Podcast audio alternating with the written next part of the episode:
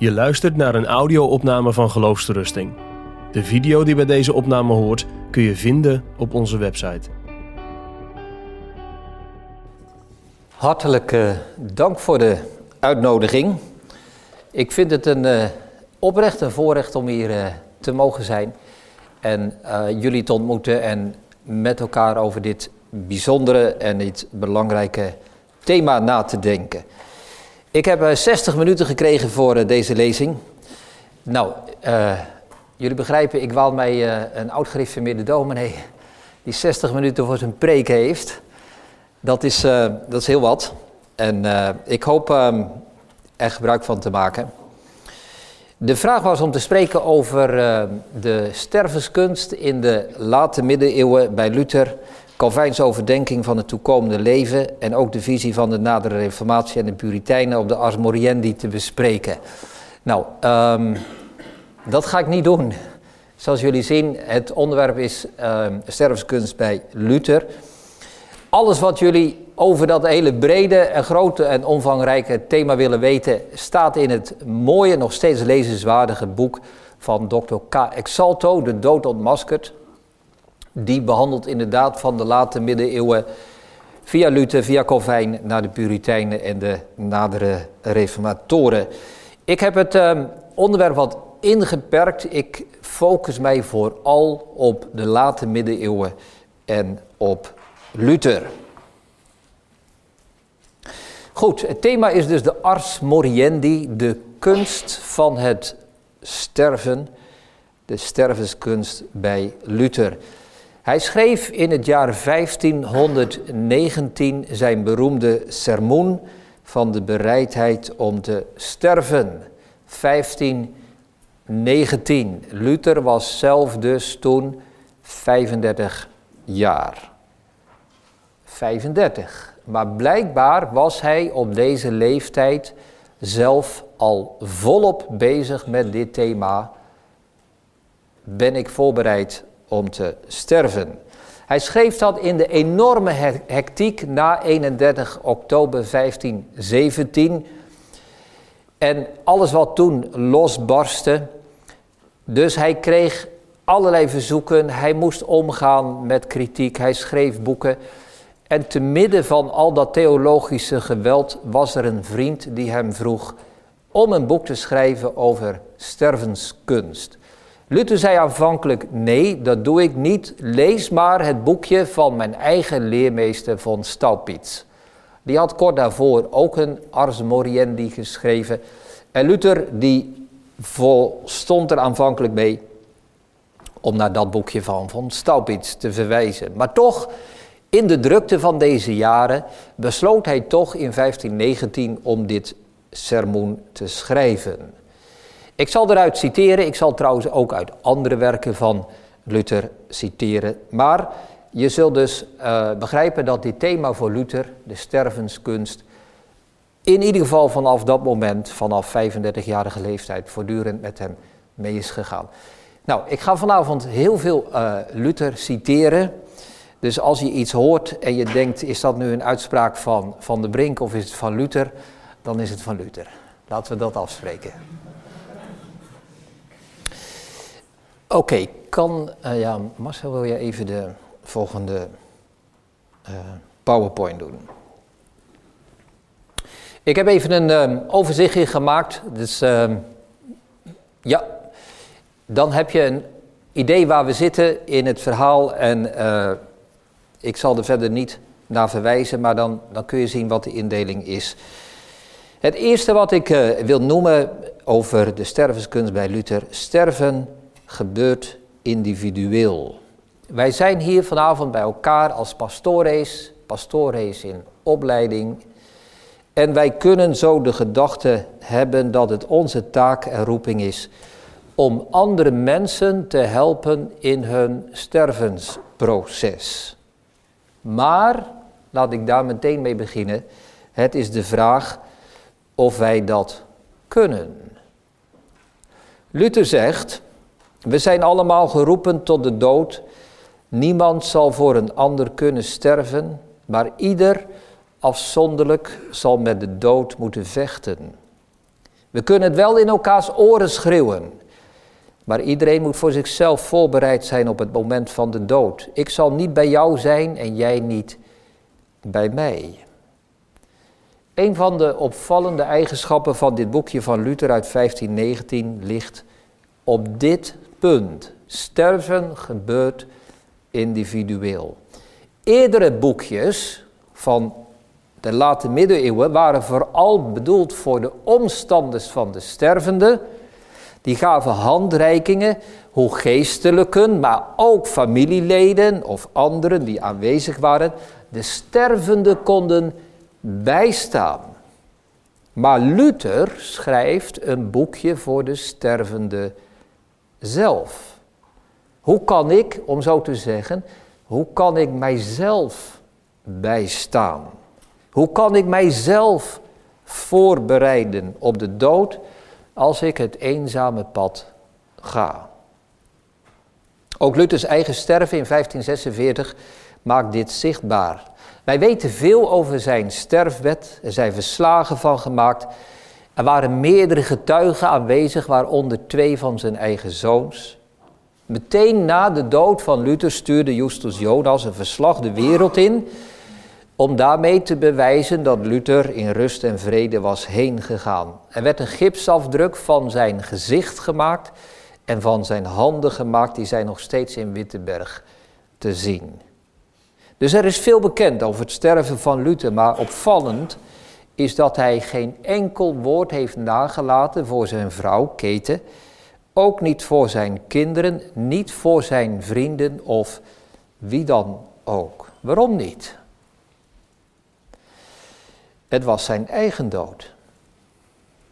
Een stervensvoorbereiding betekent, aldus Luther, niet in het afscheid nemen van mijn geliefden, maar in de blik naar voren, naar de godsontmoeting.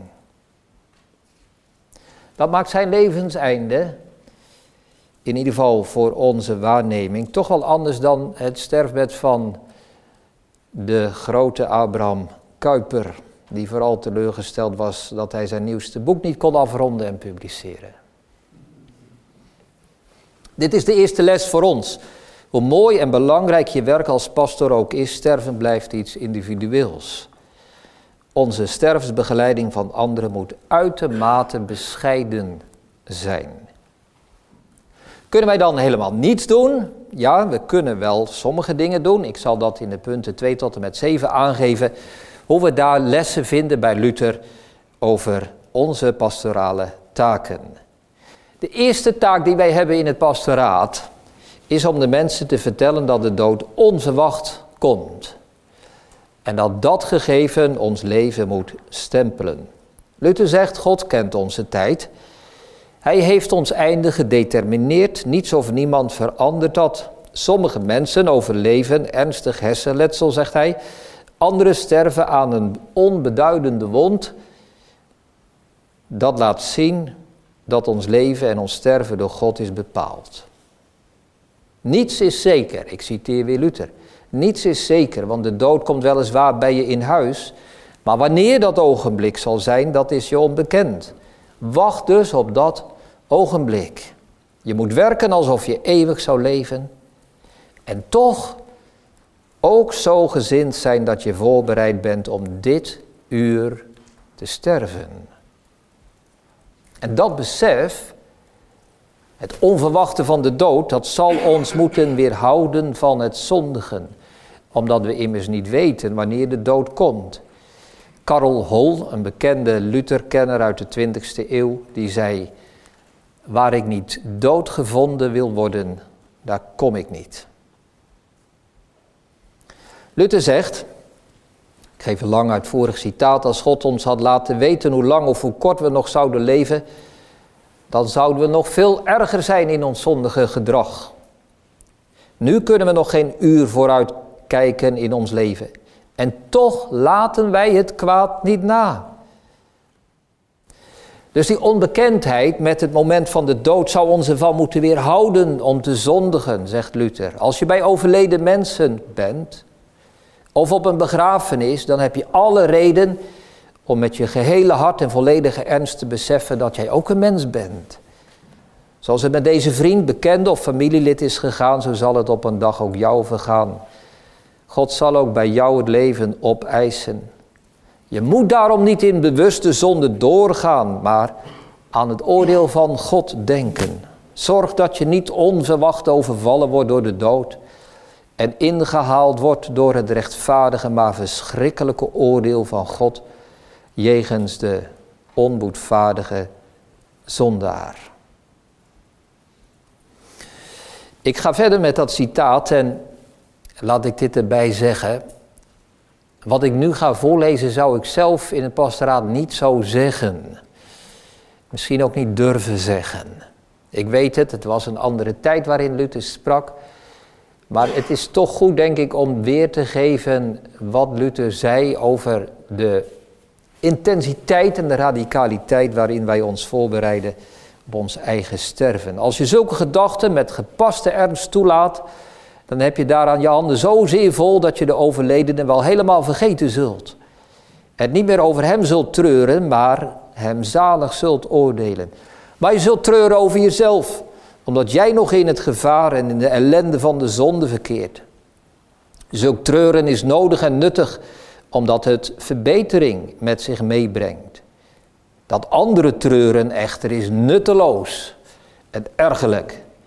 Want het neemt de hoop weg die wij door Christus bezitten en waarmee wij ons moeten troosten. Daarom zegt de wijze man Salomo in Prediker 7: Het is beter naar een klaaghuis te gaan dan naar een huis te gaan waar een feestmaal gehouden wordt. Het is immers het einde van ieder mens en de levende moet het ter harte nemen. Verdriet is beter dan lachen, want bij een treurig gezicht gaat het goed met het hart.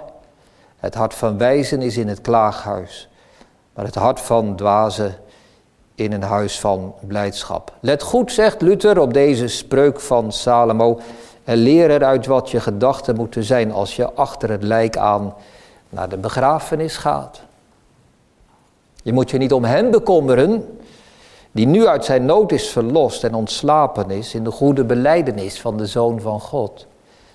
Bekommer je veel eer om jezelf en besef dat jij ook ooit moet gaan. Maar hoe gaat het vaak? Je ligt in ontucht, je zwelgt en zuipt, je bent gierig en zoekt woeker, je zit vast in haat en vijandschap tegen je naaste. En dat is een zeker bewijs dat je de dood niet vreest. Maar als de dood jou zou overvallen, zoals zo vaak gebeurt, hoe zul je dan voor Gods gericht bestaan? Uit deze gegeven citaten wordt duidelijk dat voor Luther de angst voor de dood niet een psychologische zaak is, maar een theologische.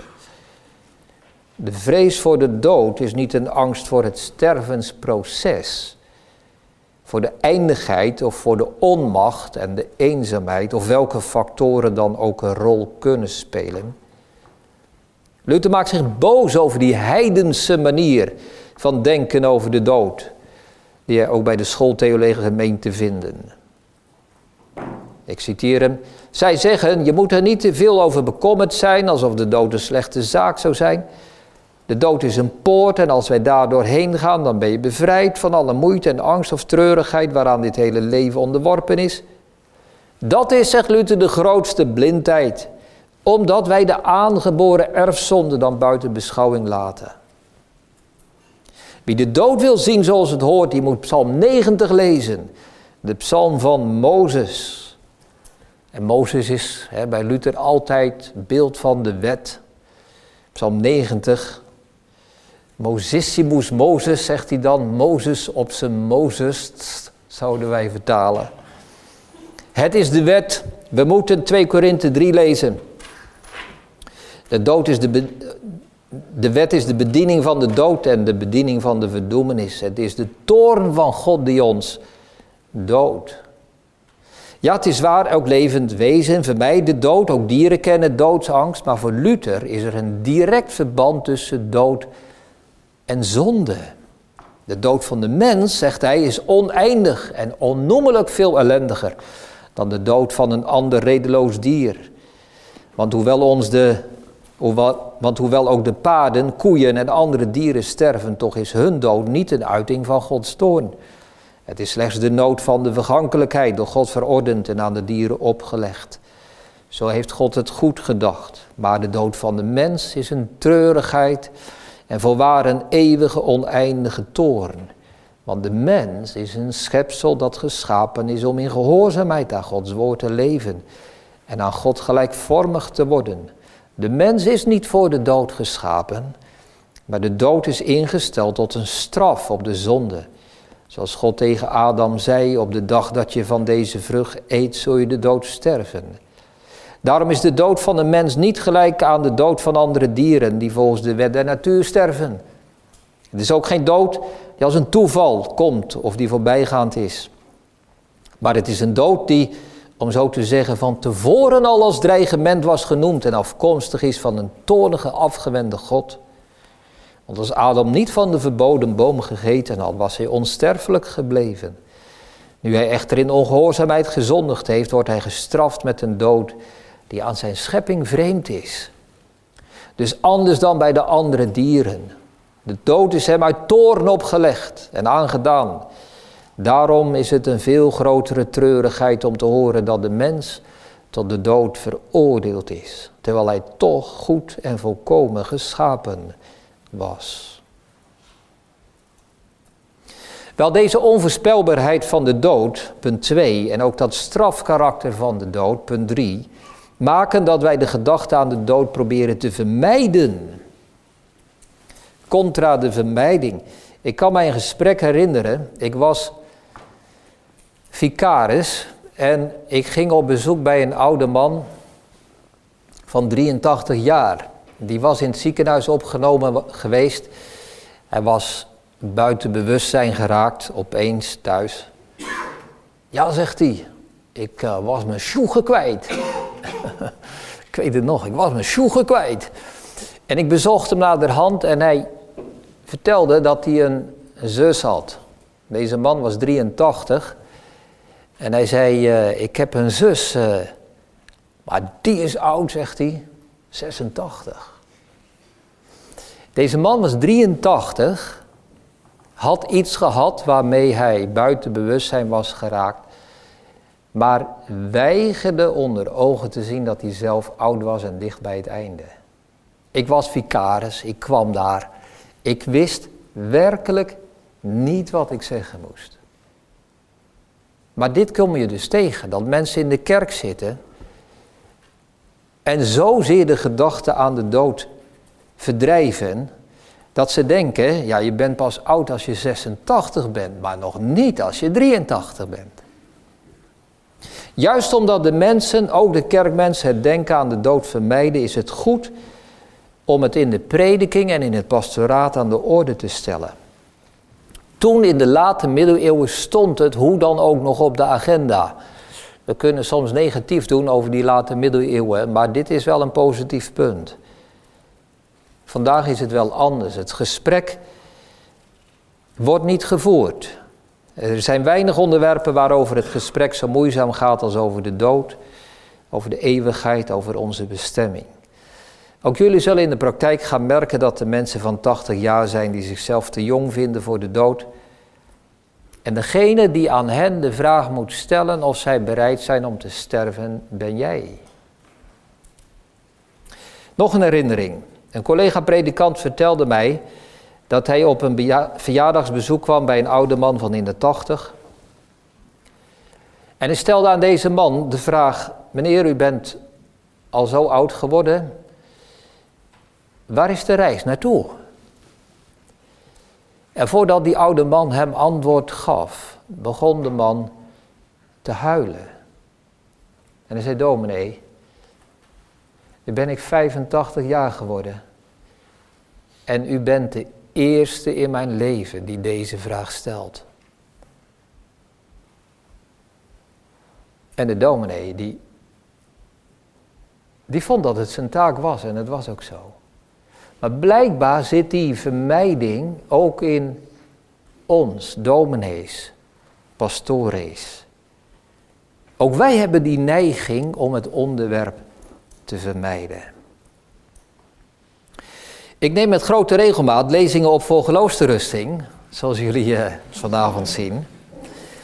En Marcel en ik besteden altijd tijd aan de vraag welke titel we meegeven aan die lezing.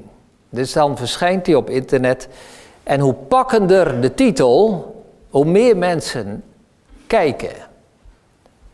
Dus dat is een voordeel om daar aandacht aan te geven. Maar het kan ook een nadeel zijn.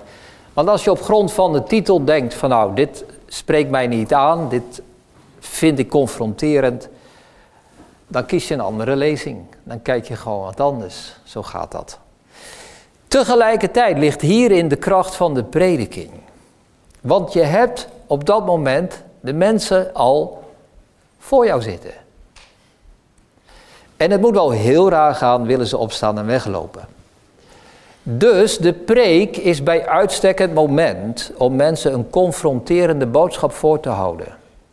Soms moet je zo preken dat je denkt bij jezelf, als mijn hoorders geweten hadden dat ik ze dit zou gaan zeggen, waren ze thuis gebleven. Wel, een van die onderwerpen die thuis hoort in de prediking is de dood. Is onze sterfelijkheid, is de godsontmoeting. Ja, wij horen als hoorder liever hoe we christen kunnen zijn op ons werk en met ons gedrag onze naasten voor Jezus kunnen winnen, dan een preek over wat het is om met een stervend en verkankerd lichaam die grote, eenmalige, definitieve stap naar de eeuwigheid te gaan zetten. En om te horen wat het wil zeggen om als zondaar voor God te verschijnen. Ik denk dat het verschil tussen tijdgeloof en zaligmakend geloof precies hier ligt. Vaak zeggen wij een tijdgeloof is een geloof dat voor een tijd is. Maar ik denk dat een tijdsgeloof een geloof voor de tijd is. Een geloof dat we hebben voor dit leven. Maar een zaligmakend geloof is een geloof voor de dood en voorbij de dood. Dus laat ik een tussenbalans opmaken. Sterfsbegeleiding door ons als pastoorrees moet vooral tijdens het leven gebeuren. Het laatste odisel is geen sacrament meer. Wij zijn vaak niet aanwezig op het moment dat mensen sterven. Dus de stervensbegeleiding moet in het leven plaatsvinden. Te meer omdat mensen sterven zoals ze geleefd hebben. Je zou denk ik dat in één zin de ars moriendi van Luther kunnen noemen. Wij sterven zoals wij geleefd hebben.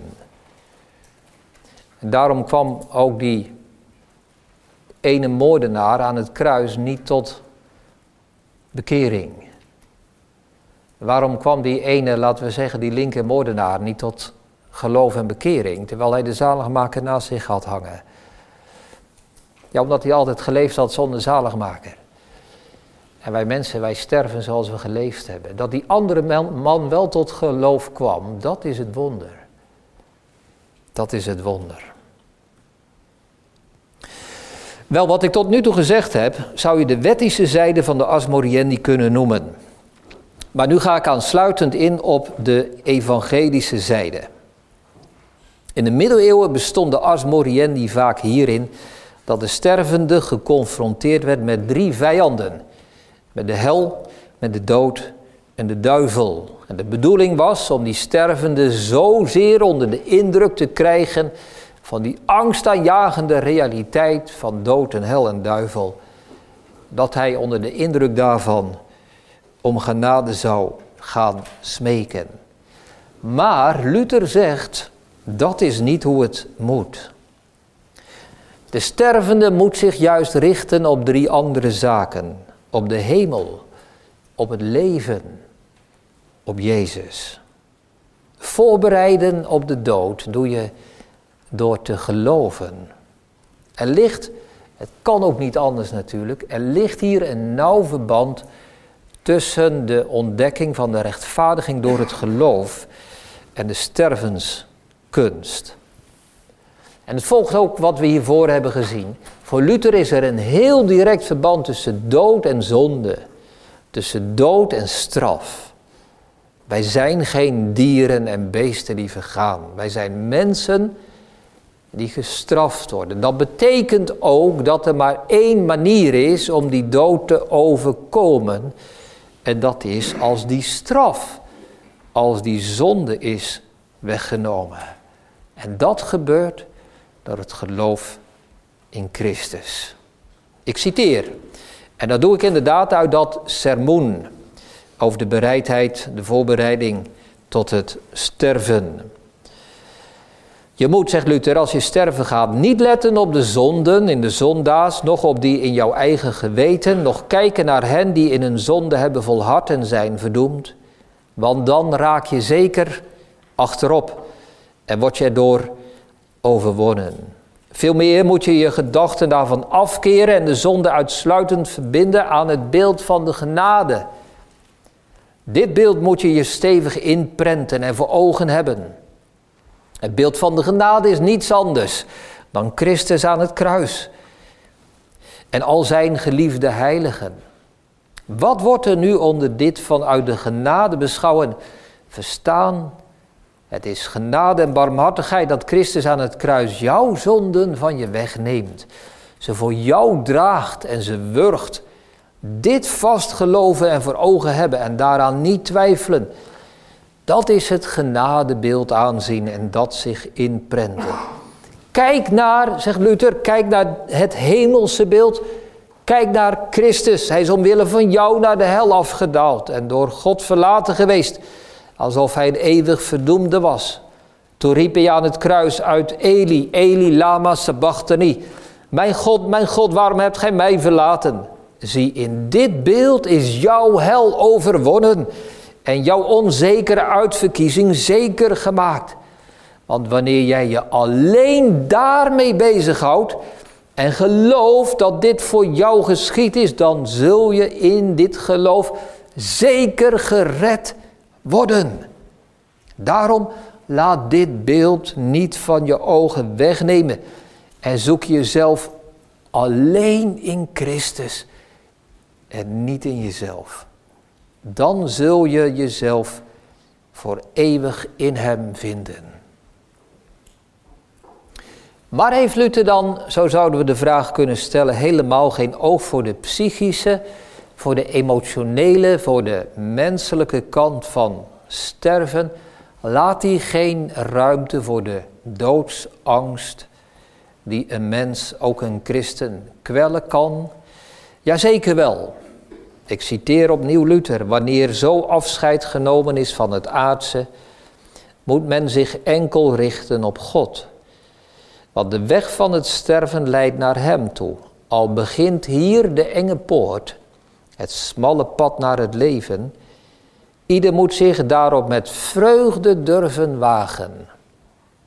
Want die weg is wel erg smal, maar niet lang. Het gaat net zo toe als wanneer een kind uit de engte van het lichaam van zijn moeder met gevaar en angsten ter wereld komt in deze wijde ruimte van hemel en aarde. Op soortgelijke wijze verlaat de mens door de enge poort van de dood dit leven.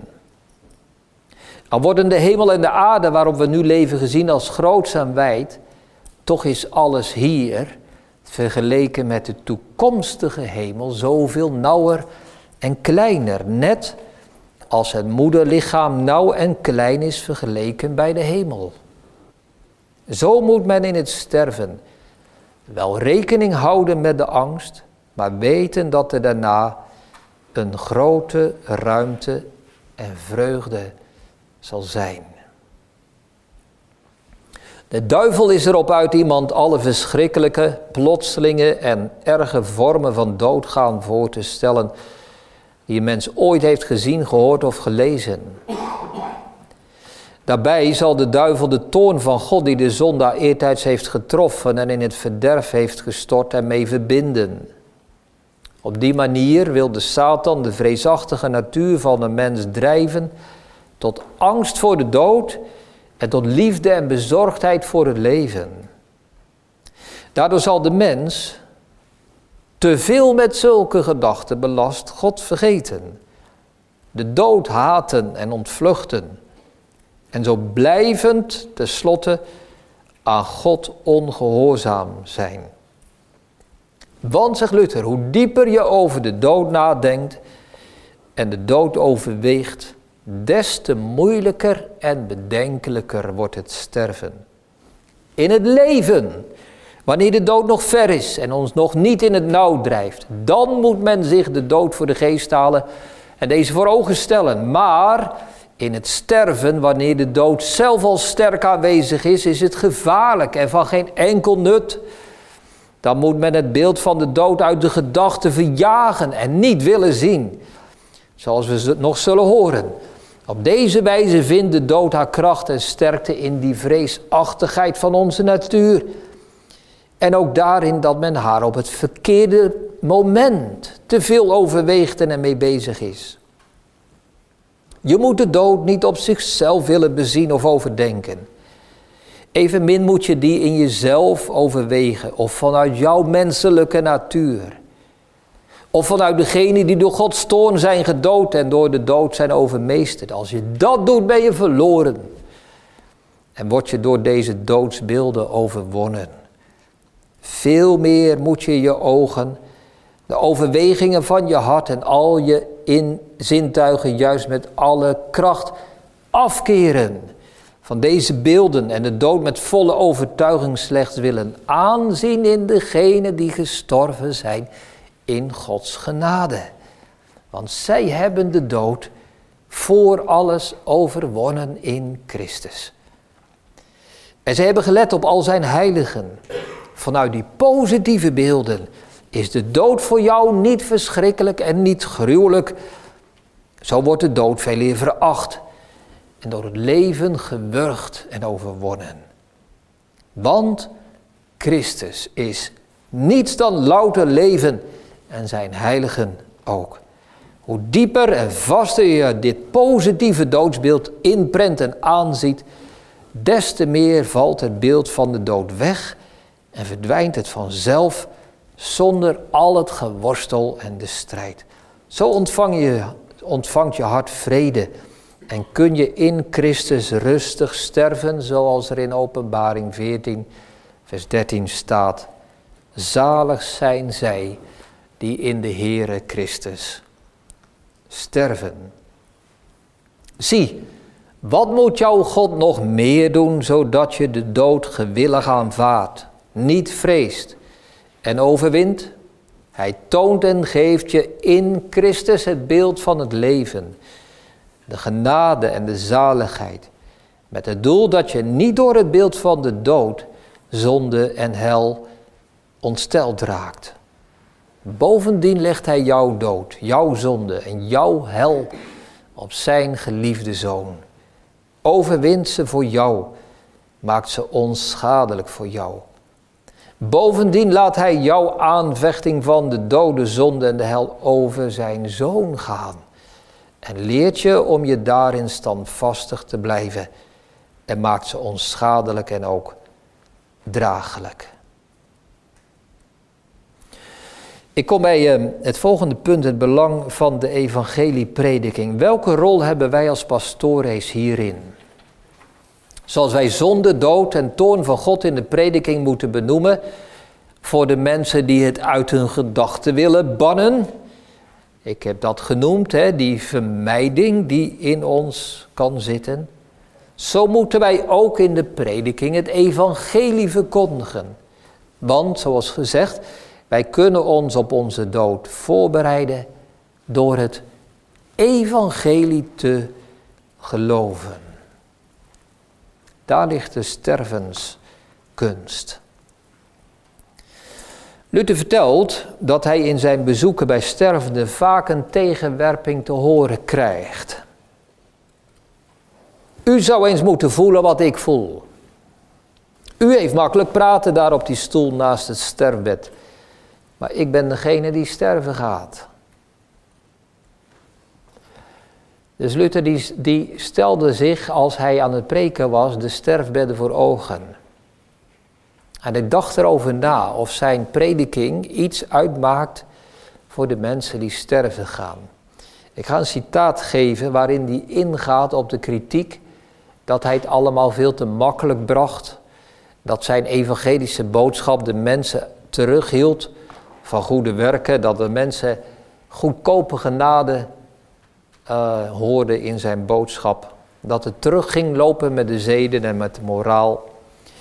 En dan zegt hij het volgende, zo vergaat het ons vandaag de dag. Men zegt dat wij, dus hij zelf en de andere reformatorische predikers, men zegt dat wij de goede werken verbieden, dat wij het allemaal te goed en te gemakkelijk maken. En hierdoor worden de mensen laks en traag.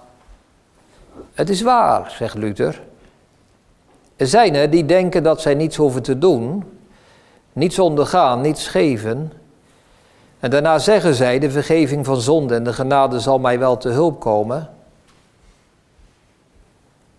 Ik kende iemand die nu al dood is. Hij zei dat als hij in zonde zou leven, de genade dan toch wel groot genoeg zou zijn. Zo zijn er velen die hopen nu te kunnen doen wat ze graag willen.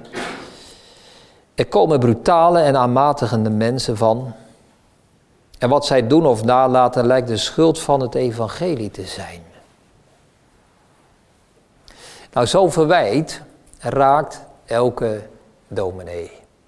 Als jij te horen krijgt, je legt te weinig nadruk op wat de mensen moeten doen, je maakt het te makkelijk, dat doet je wat. Luther kreeg hiermee te maken. Maar aan de andere kant, zegt hij. Als er nu geen vertroosting wordt gepreekt, zoals het geval was in het pausdom, dan is het de verschrikking in de gewetens en men zoekt dit des te meer bij de heiligen en door op pelgrimage te gaan enzovoorts. Daarom moet het evangelie gepredikt worden. Er komen wat er van komt, zegt hij. Liever krijg ik te horen dat het te zoet is en dat mijn preken mensen beletten om goede werken te doen, dan dat ze niemand hulp en raad verschaffen. Dit zie ik gebeuren. Iemand is traag en lui en hij vertrouwt op Gods barmhartigheid. Dan komt mager hein op hem af. En het blijkt dat hij deze genade en barmhartigheid nooit op de goede wijze heeft toegeëigend. Dan heb je je handen vol aan zo iemand om hem op te richten. Dus Luther zegt, het kan zijn dat iemand in zijn leven de kantjes eraf loopt. Maar op het moment dat de dood komt, kun je hem het echte evangelie vertellen. Maar daartegenover, als een hart helemaal overstelpt is met treurigheid, dan is er geen helpen aan. Dan zegt de herder weliswaar, ik zal je veel vertellen over genade en barmhartigheid, maar de reactie is, als jij zou voelen wat ik nu voel, ik heb er veel op deze manier horen spreken als ik hen probeerde te vertroosten. Daarom, zegt Luther, heb ik liever dat deze leer van het evangelie in jullie geheugen aanwezig is en blijft. Het is een liefelijke, zoete prediking. Men roept wel dat er vermetelheid en valse zekerheid uit ontstaan. Anderen zeggen dat wij ervoor zorgen dat de mensen lui worden en niet tot de volmaaktheid komen. Maar ook Christus moest horen dat hij de Sabbat brak. Dus Luther predikte het evangelie bij herhaling, onophoudelijk, volgens sommigen tot vervelens toe. Als je Luther leest, heeft hij inderdaad maar één snaar waarop hij speelt. Waarom doet hij dat? Omdat wij het evangelie nodig hebben. Wij moeten het evangelie als bekend, als vertrouwd zijn gaan ervaren voordat de dood komt. Het moet een gestage drup zijn tijdens het leven die ons stenen hart uitholt. Als de boodschap van vergeving, van genade, van barmhartigheid, redding, van geloof door middel van het geloof, door vertrouwen, door aannemen en toe-eigenen, ons zo vaak is voorgehouden dat we er wel bekend mee moeten zijn, dan kan het evangelie zijn kracht bewijzen als het erop aankomt. Dus omgekeerd, als we het pas voor het eerst echt horen voor de poort van de dood, zullen waarschijnlijk de jamaars de overhand hebben. En ik dacht bij deze passage uit Luther, Als Luther met de ruimte in zijn prediking die ervaring al had, dat mensen tegen hem zeiden: U kunt makkelijk praten daar naast mij, maar ik lig op het sterfbed. Als Luther al die ervaring had bij stervende mensen die hem hadden horen preken, hoeveel te meer zal dit gebeuren bij mensen die bij lange na niet dat ruime evangelie hebben vernomen, zoals dat in Luthers preken te vinden is. Kortom, het evangelie moet zo veelvuldig gepreekt worden omdat ons geloof zo zwak is. Er staat in de Bijbel, Jeremia 23, vers 29, dat Gods woord een hamer is die de steenrots verbreekt. Wel, dat gaat niet alleen en ik denk ook niet allereerst over de wet, maar zeker ook over het evangelie. Er zijn zoveel slagen van het evangelie nodig voordat de steen breekt. Dus die angst dat zoveel mensen te snel en te makkelijk het evangelie geloven, wordt door de praktijk weerlegd. Door de praktijk van het sterfwet. Luther zegt, de duivel treft de harten van de christenen soms zo hard met zijn vurige pijlen dat zij niet alleen vergeten dat zij kinderen van God zijn, maar zelfs de weerzinwekkende gedachte hebben dat God hen vergeten is, hen verlaten heeft, van voor zijn ogen verstoten. Ook de heilige Paulus is niet altijd springend door het leven gegaan, in blijdschap over de grote heerlijkheid dat hij een kind van God was. Ons geloof is zeer zwak en koud. Was het, zegt Luther, was het geloof zo zeker en sterk zoals het zou moeten zijn, dan konden wij van grote vreugde niet leven. Daarom, broeders en zusters, spreek vaak over de dood. Preek over sterven. Preek over de godsontmoeting. Preek het evangelie. Vertel wat geloven is. Beperk je preken niet tot een woord van troost voor elke dag. Ga verder dan een bemoediging waarmee de mensen de week weer in kunnen. We moeten zo preken dat onze hoorders iets meekrijgen waarmee ze het leven uit kunnen. Ik zeg tenslotte nog iets over stervensbegeleiding. Wat te doen als we aan het sterfbed zitten? Of als iemand een slechte boodschap heeft ontvangen.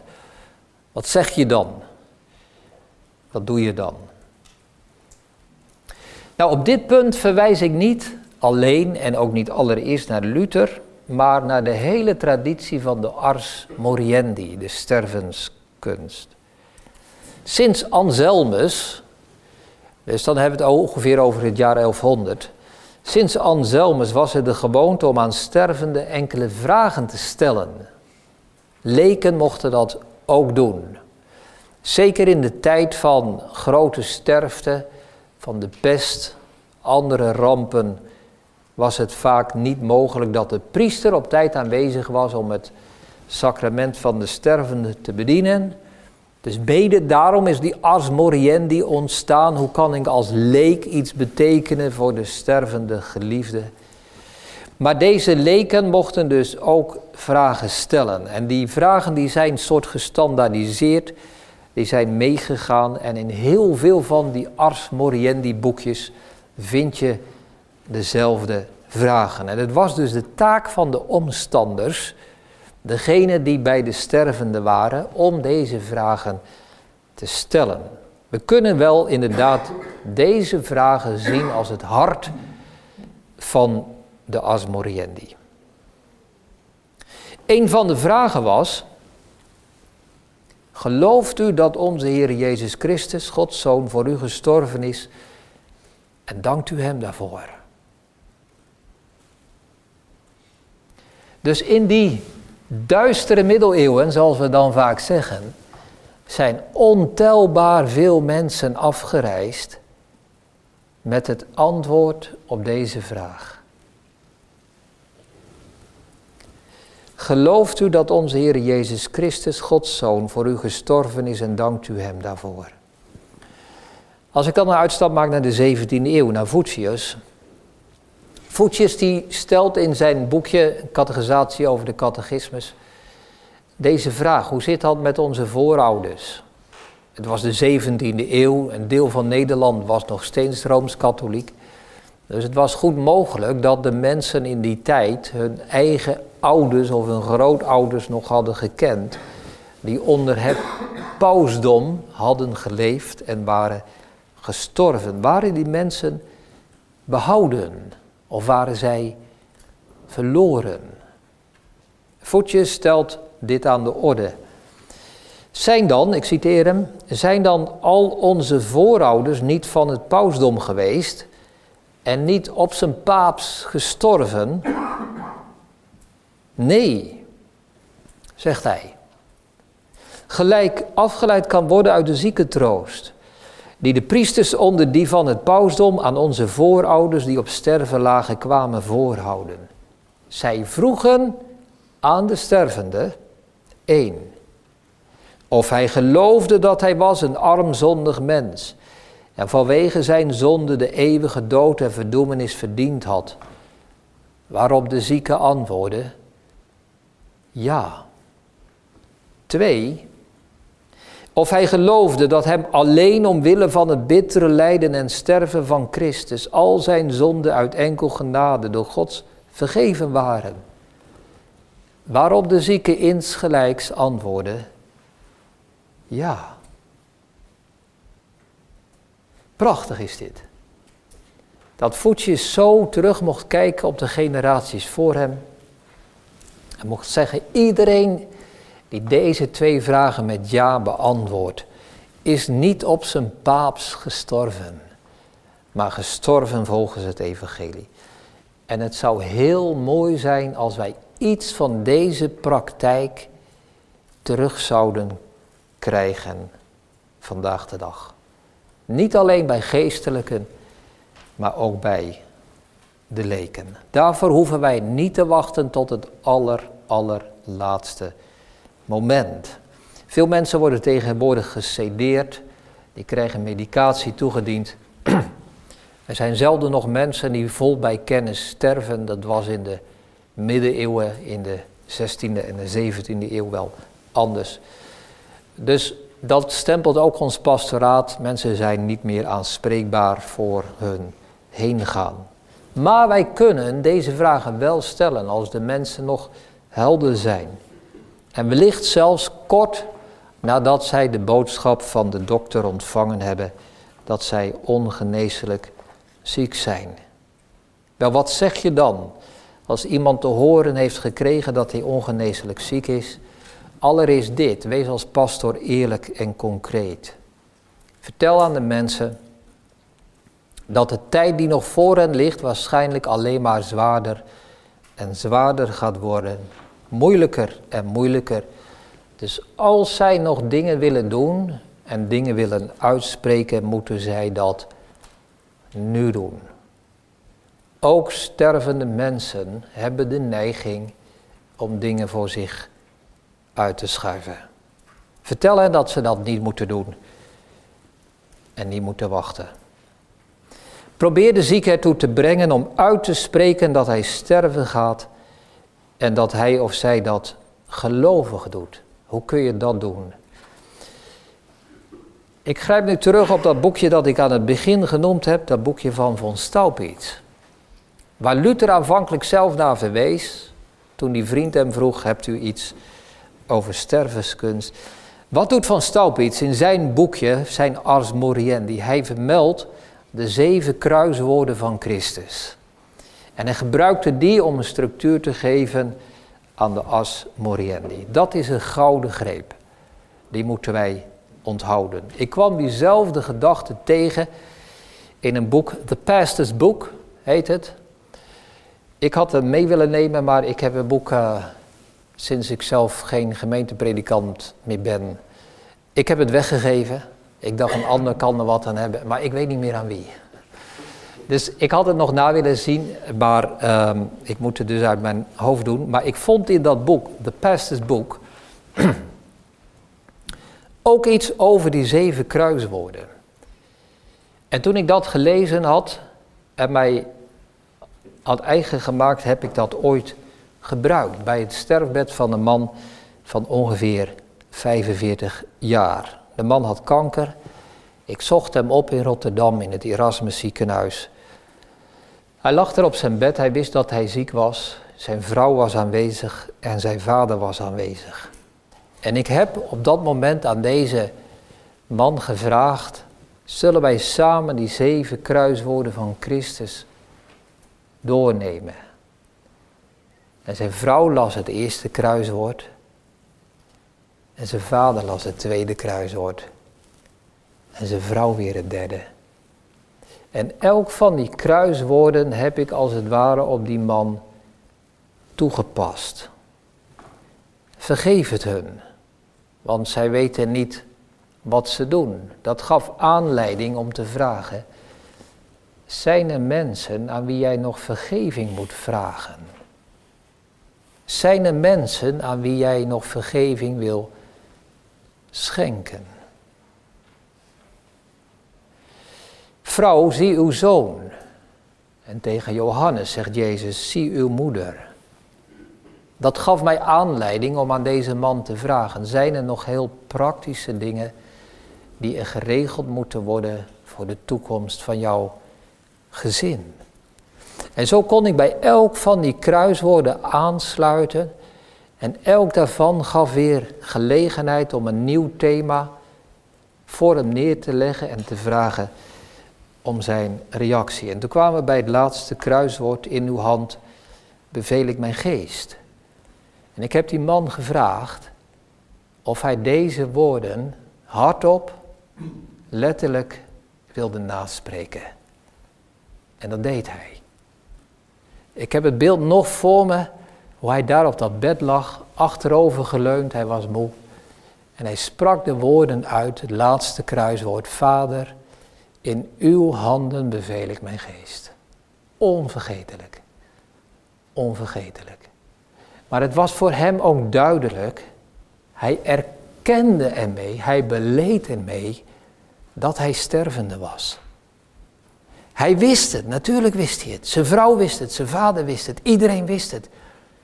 Maar wie zegt het? En zo vond ik een thema uit de oude middeleeuwse Ars Moriendi, wat ik toen nog niet wist de zeven kruiswoorden van Christus. Om deze man uit te laten spreken dat hij het leven achter zich liet en de toekomst inging. En dat hij dat deed in geloof en vertrouwen op de Heer Jezus Christus. Laat ik daarmee gaan afronden als een soort samenvatting. De eerste en de grootste opdracht die wij nu vanavond uit deze lezing meekrijgen is deze. Vraag je niet af hoe je andere mensen kunt voorbereiden op een dood, maar begin bij jezelf. Stel jezelf die vraag. Ben ik voorbereid om te sterven? Ken ik het evangelie zo diep, zo diep, dat het mij ook in mijn laatste stervensuur niet zal verlaten. Zorg ervoor dat je Jezus kent.